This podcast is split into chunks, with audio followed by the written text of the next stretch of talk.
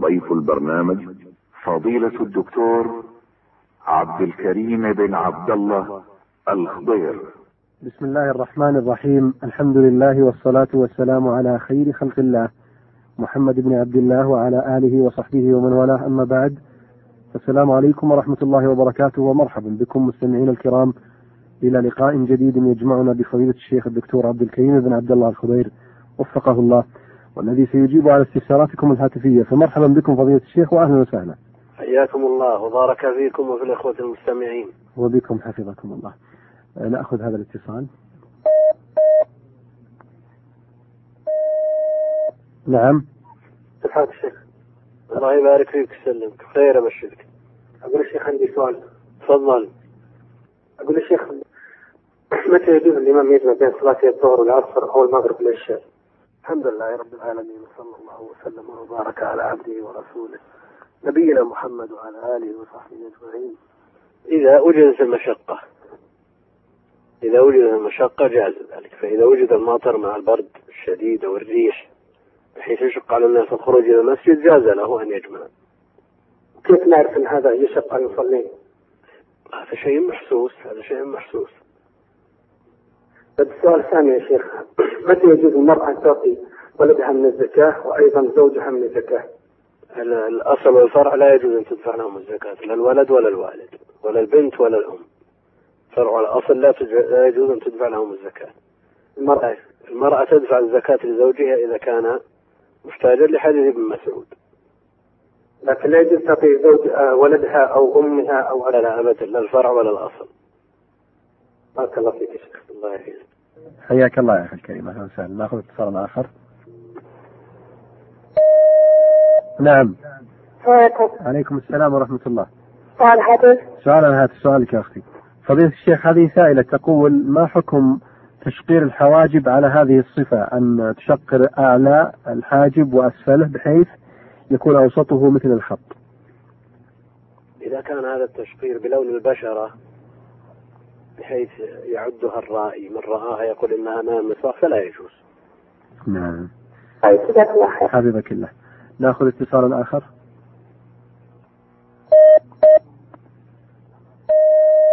نعم السلام عليكم عليكم السلام ورحمة الله تفضل الشيخ معك معك رشيد أبو نبي يا شيخ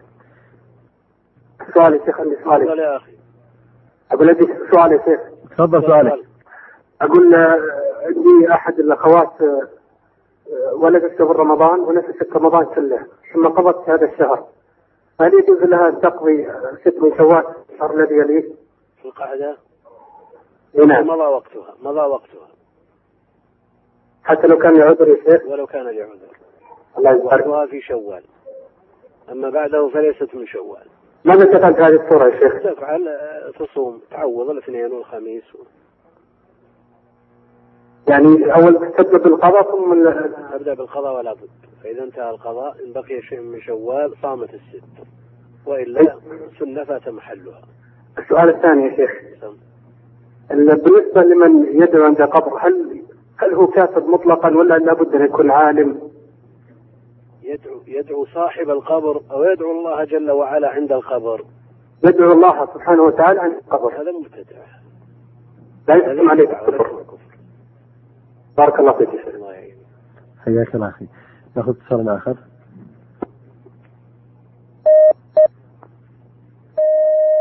نعم السلام عليكم السلام ورحمة الله كيف الحال أهلا وسهلا بك الله يبارك فيك يا أخي. تفضل سؤالك الشيخ معك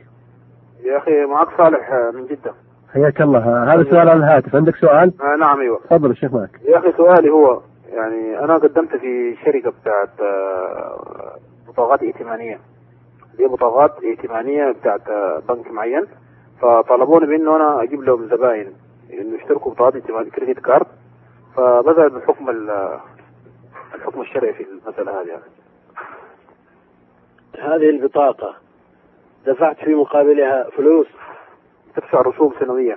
تدفع رسوم نعم ومن خلالها إذا حضرت زبون لهم آه، حيعطوني 30 ريال في كل كل زبون قبول نعم يعني هذه أجرة أجرة المثل لك نعم نعم ايوه لكن أنت دفعت مبلغ معين آه، بالنسبه للمقابل ومقابله مجهول نعم أقول أنت دفعت مبلغ معين معلوم نعم ومقابله مجهول ما يدرى كم يعطوكم في مقابله نعم هذا هذا لا يجوز الجهالة في المقابل نعم الله يجزاه خير يا اخي بارك الله فيك شكرا جزيلا أحسن الله إليكم فضيلة الشيخ هذا أيضا مجموعة أسئلة وردت من آه، أحد الإخوة المستمعين الكرام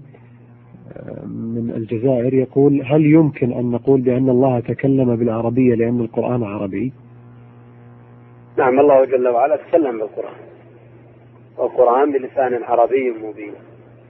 فالله جل وعلا تكلم به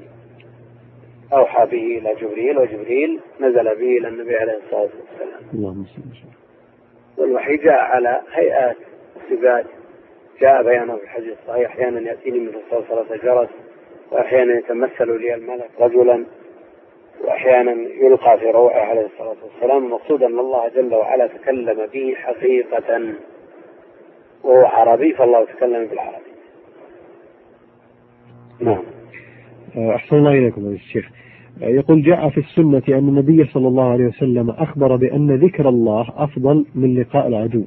ومن ضرب رقابهم فكيف ذلك؟ آه، ذكر الله في اللسان مع تواطؤ القلب معه من أفضل الأعمال لا شك أنه من أفضل الأعمال وهو صلة بين العبد وبين وجاء في آه، الذكر من الفضائل والمزايا في النصوص نصوص الكتاب والسنة ما يدل على أنه من أجل العبادات وأنه صلة بين العبد وبين ربه والغفلة آفة ولا تزول الغفلة إلا بالذكر وجاء ال- ال- الأجور العظيمة التي رتبت على الأذكار اليسيرة الأذكار اليسيرة ما يدل على أن للذكر شأنا عظيما غراس الجنة التسبيح والتحميد والتهليل والتكبير يا محمد أقرئ أمتك يقول إبراهيم عليه السلام يا محمد أقرئ أمتك مني السلام وأخبرهم أن الجنة قيعان غراس والتسبيح والتحميد والتهليل والتكبير من قال سبحان الله بحمده مئة مرة في اليوم حطت عنه خطاياه وإن كانت مثل زبد البحر أمور خفيفة لا تكلف الإنسان شيئا فالذكر شأنه عظيم ولا يمنع أن يفضل على آه، كثير من نوافل العبادات نعم فلا يزال الانسان المسلم راطبا بذكر ولاهجا بذكر الله جل وعلا ولا يغفل عن الذكر الا محروم لانه لا يكلف شيء ولا يحتاج الى عناء لا يحتاج ان ان تتوضا ولا يحتاج ان تذهب الى المسجد ولا يحتاج ان تجلس وانت مضطجع ولا يحتاج ان تقف وانت جالس الذين يذكرون الله قياما وقعودا وعلى جنوبهم عبادات عظيمه جدا الله أكبر. وجاءت الأذكار المرتبة في أوقاتها والأذكار المطلقة فعلى المسلم أن يكثر منها غنائم باردة فضيلة الشيخ نعم أقول غنائم باردة بلا شك بلا ومن شك أراد. ولا يغفل عن هذا إلا محروم اللهم ظاهر بين الحرمان لو جئنا إلى طلب العلم مثلا نعم لو نعم جئنا إلى طلب العلم وقلنا أيهما أفضل طلب العلم ولا الإكثار من الصيام نفلا قلنا طلب العلم أفضل إذا قلنا أن طلب العلم أو إكثار من الصلاة قلنا طلب العلم أفضل وينتاب هذا ما يترجح به في, في بعض الأوقات كما أنه ينتاب الشيء الآخر ما يرجحه بالنسبة لبعض الأشخاص ولذا جاءت الأجو- الأجوبة النبوية متفاوتة عن السؤال الواحد أي العمل أفضل ف- فشخص يف- يجاب بال- بالجهاد وشخص يجاب بالعلم وشخص يجاب بالصلاة وشخص يجاب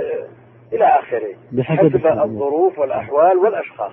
مهم. فلكل إنسان ما يخصه ومن بعض الأعمال اللازمة هذا أيضا ليس بمضطرد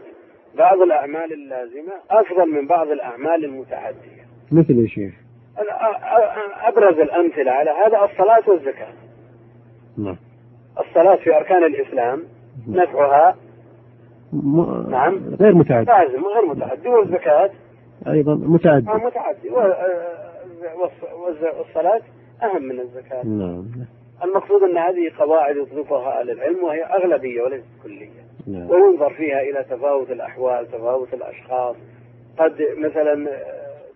أهل العلم يفضلون مثلا الأضحية على الصدقة بثمنها لكن إذا وجد شخص مضطر لثمن مضطر ضرورة نقول هي أفضل, هو أفضل ال- أفضل من الأضحية العمرة حج النذل وهكذا نعم ال- الإنفاق في سبيل الله قد يوجد مسكين مضطر عائلة أسرة تموت لو لم يوجد من ينفق عليها مثل هذه تفضل يفضل الصدقة عليها وهكذا لكن ليست هناك قواعد آه، كلية بحيث لا يفض ولا يشذ عنها شيء نعم هناك قواعد أطل- أغلبية يطلقها أهل العلم آه، أخذوها من النصوص نعم. أيضا سؤاله الآخر فضيلة الشيخ يقول آه، إذا كان على شخص كفارة يمين بإطعام عشرة مساكين فهل له تقديم الطعام إلى رجل يعول تسعة أفراد وكل أفراد العائلة آه، مساكين وهو العاشر ن- نعم وال- الذي يعولهم الذي يعولهم هو العاشر نعم هو العاشر وهو مسكين أيضا نعم يا شيخ هذا ما في إشكال هذا لا إشكال فيه هنا يدفع العشرة إطعام عشرة المساكين لهؤلاء المساكين العشرة ما في أدنى إشكال ولا أظن مثل هذا يسأل عنه نعم لكن لعلهم لا يبلغون العدد صار ضمن تسعة أو خمسة أو سبعة هو سؤاله عموما هذه هذه صيغته فضيلة يومين الشيخ مثلا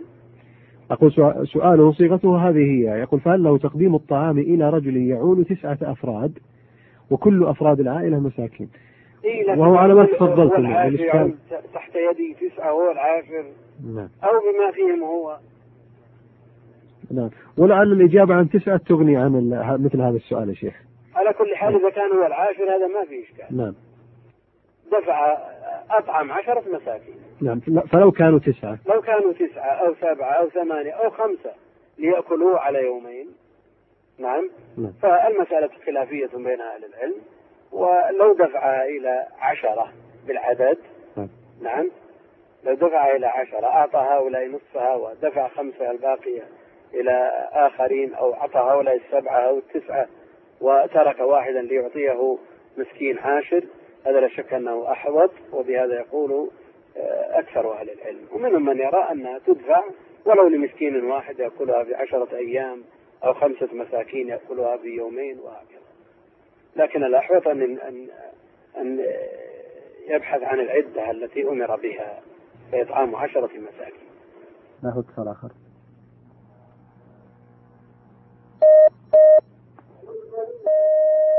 نعم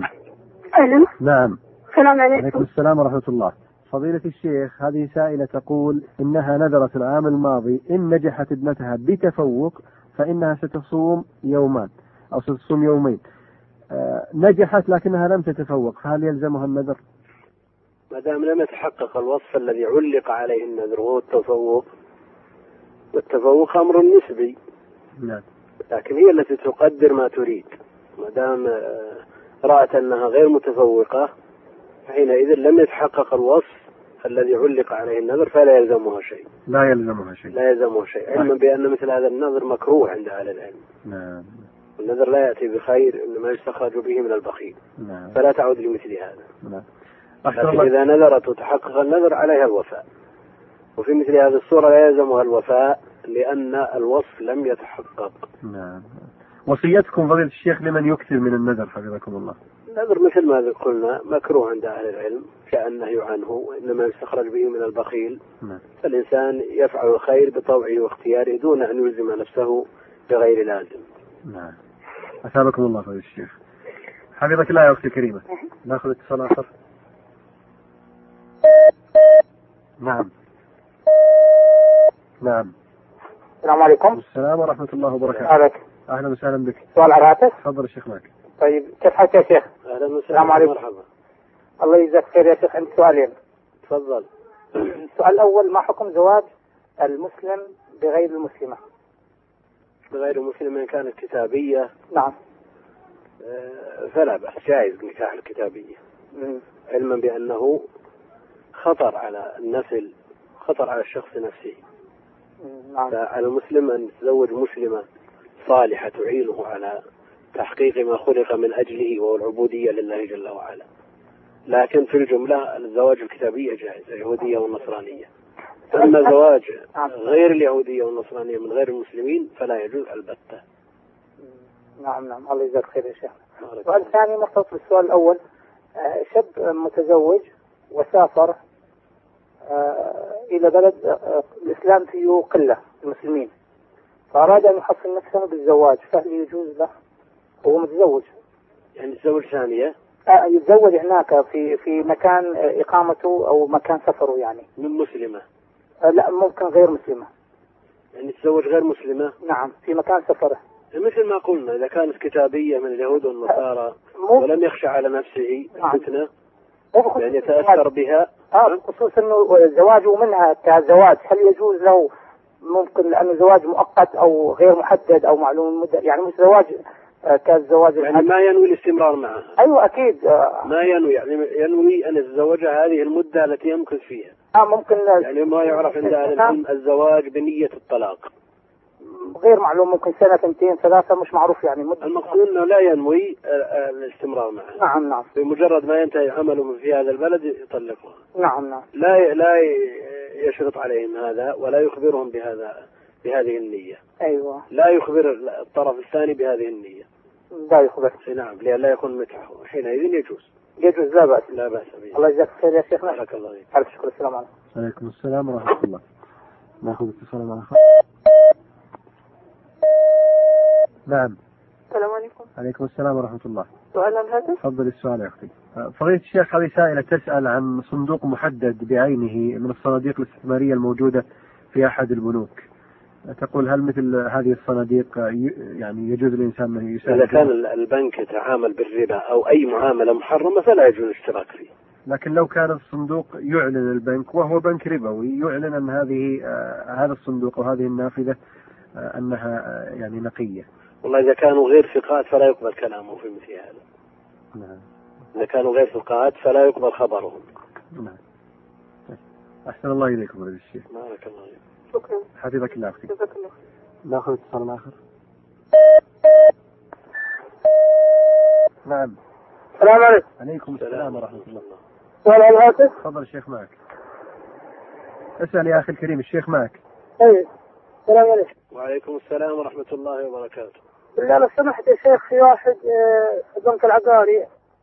وقال الشهر يطلع اسمه إيه. قال لي خذ اشتري ال- الارض هو طبعا ما معمر إيه. قال خذ الارض هذه وخذ الاسم معها اشتري الارض وخذ الاسم معها طيب شو الحكم في الشيء ذا؟ لكن الآن إيه. تشتري الأرض بقيمتها التي تستحقها لا اكثر من قيمتها طبعا اذا الارض تسوى 60 مثلا قال لي منين هو؟ ومن وهذه الزيادة من أجل القرض اي إيه، من يقول لي اسم يعني اشتري اسم أقول هذه الزيادة من أجل القرض اي اكيد يعني هذا لا أيوة. ليش حاجه غلط يجوز, لا يجوز هذا يا أخي لا يجوز أن تأخذ القرض بدراهم لكن أخذته بعروض تجارة ايوه زلته بسيارات مثلا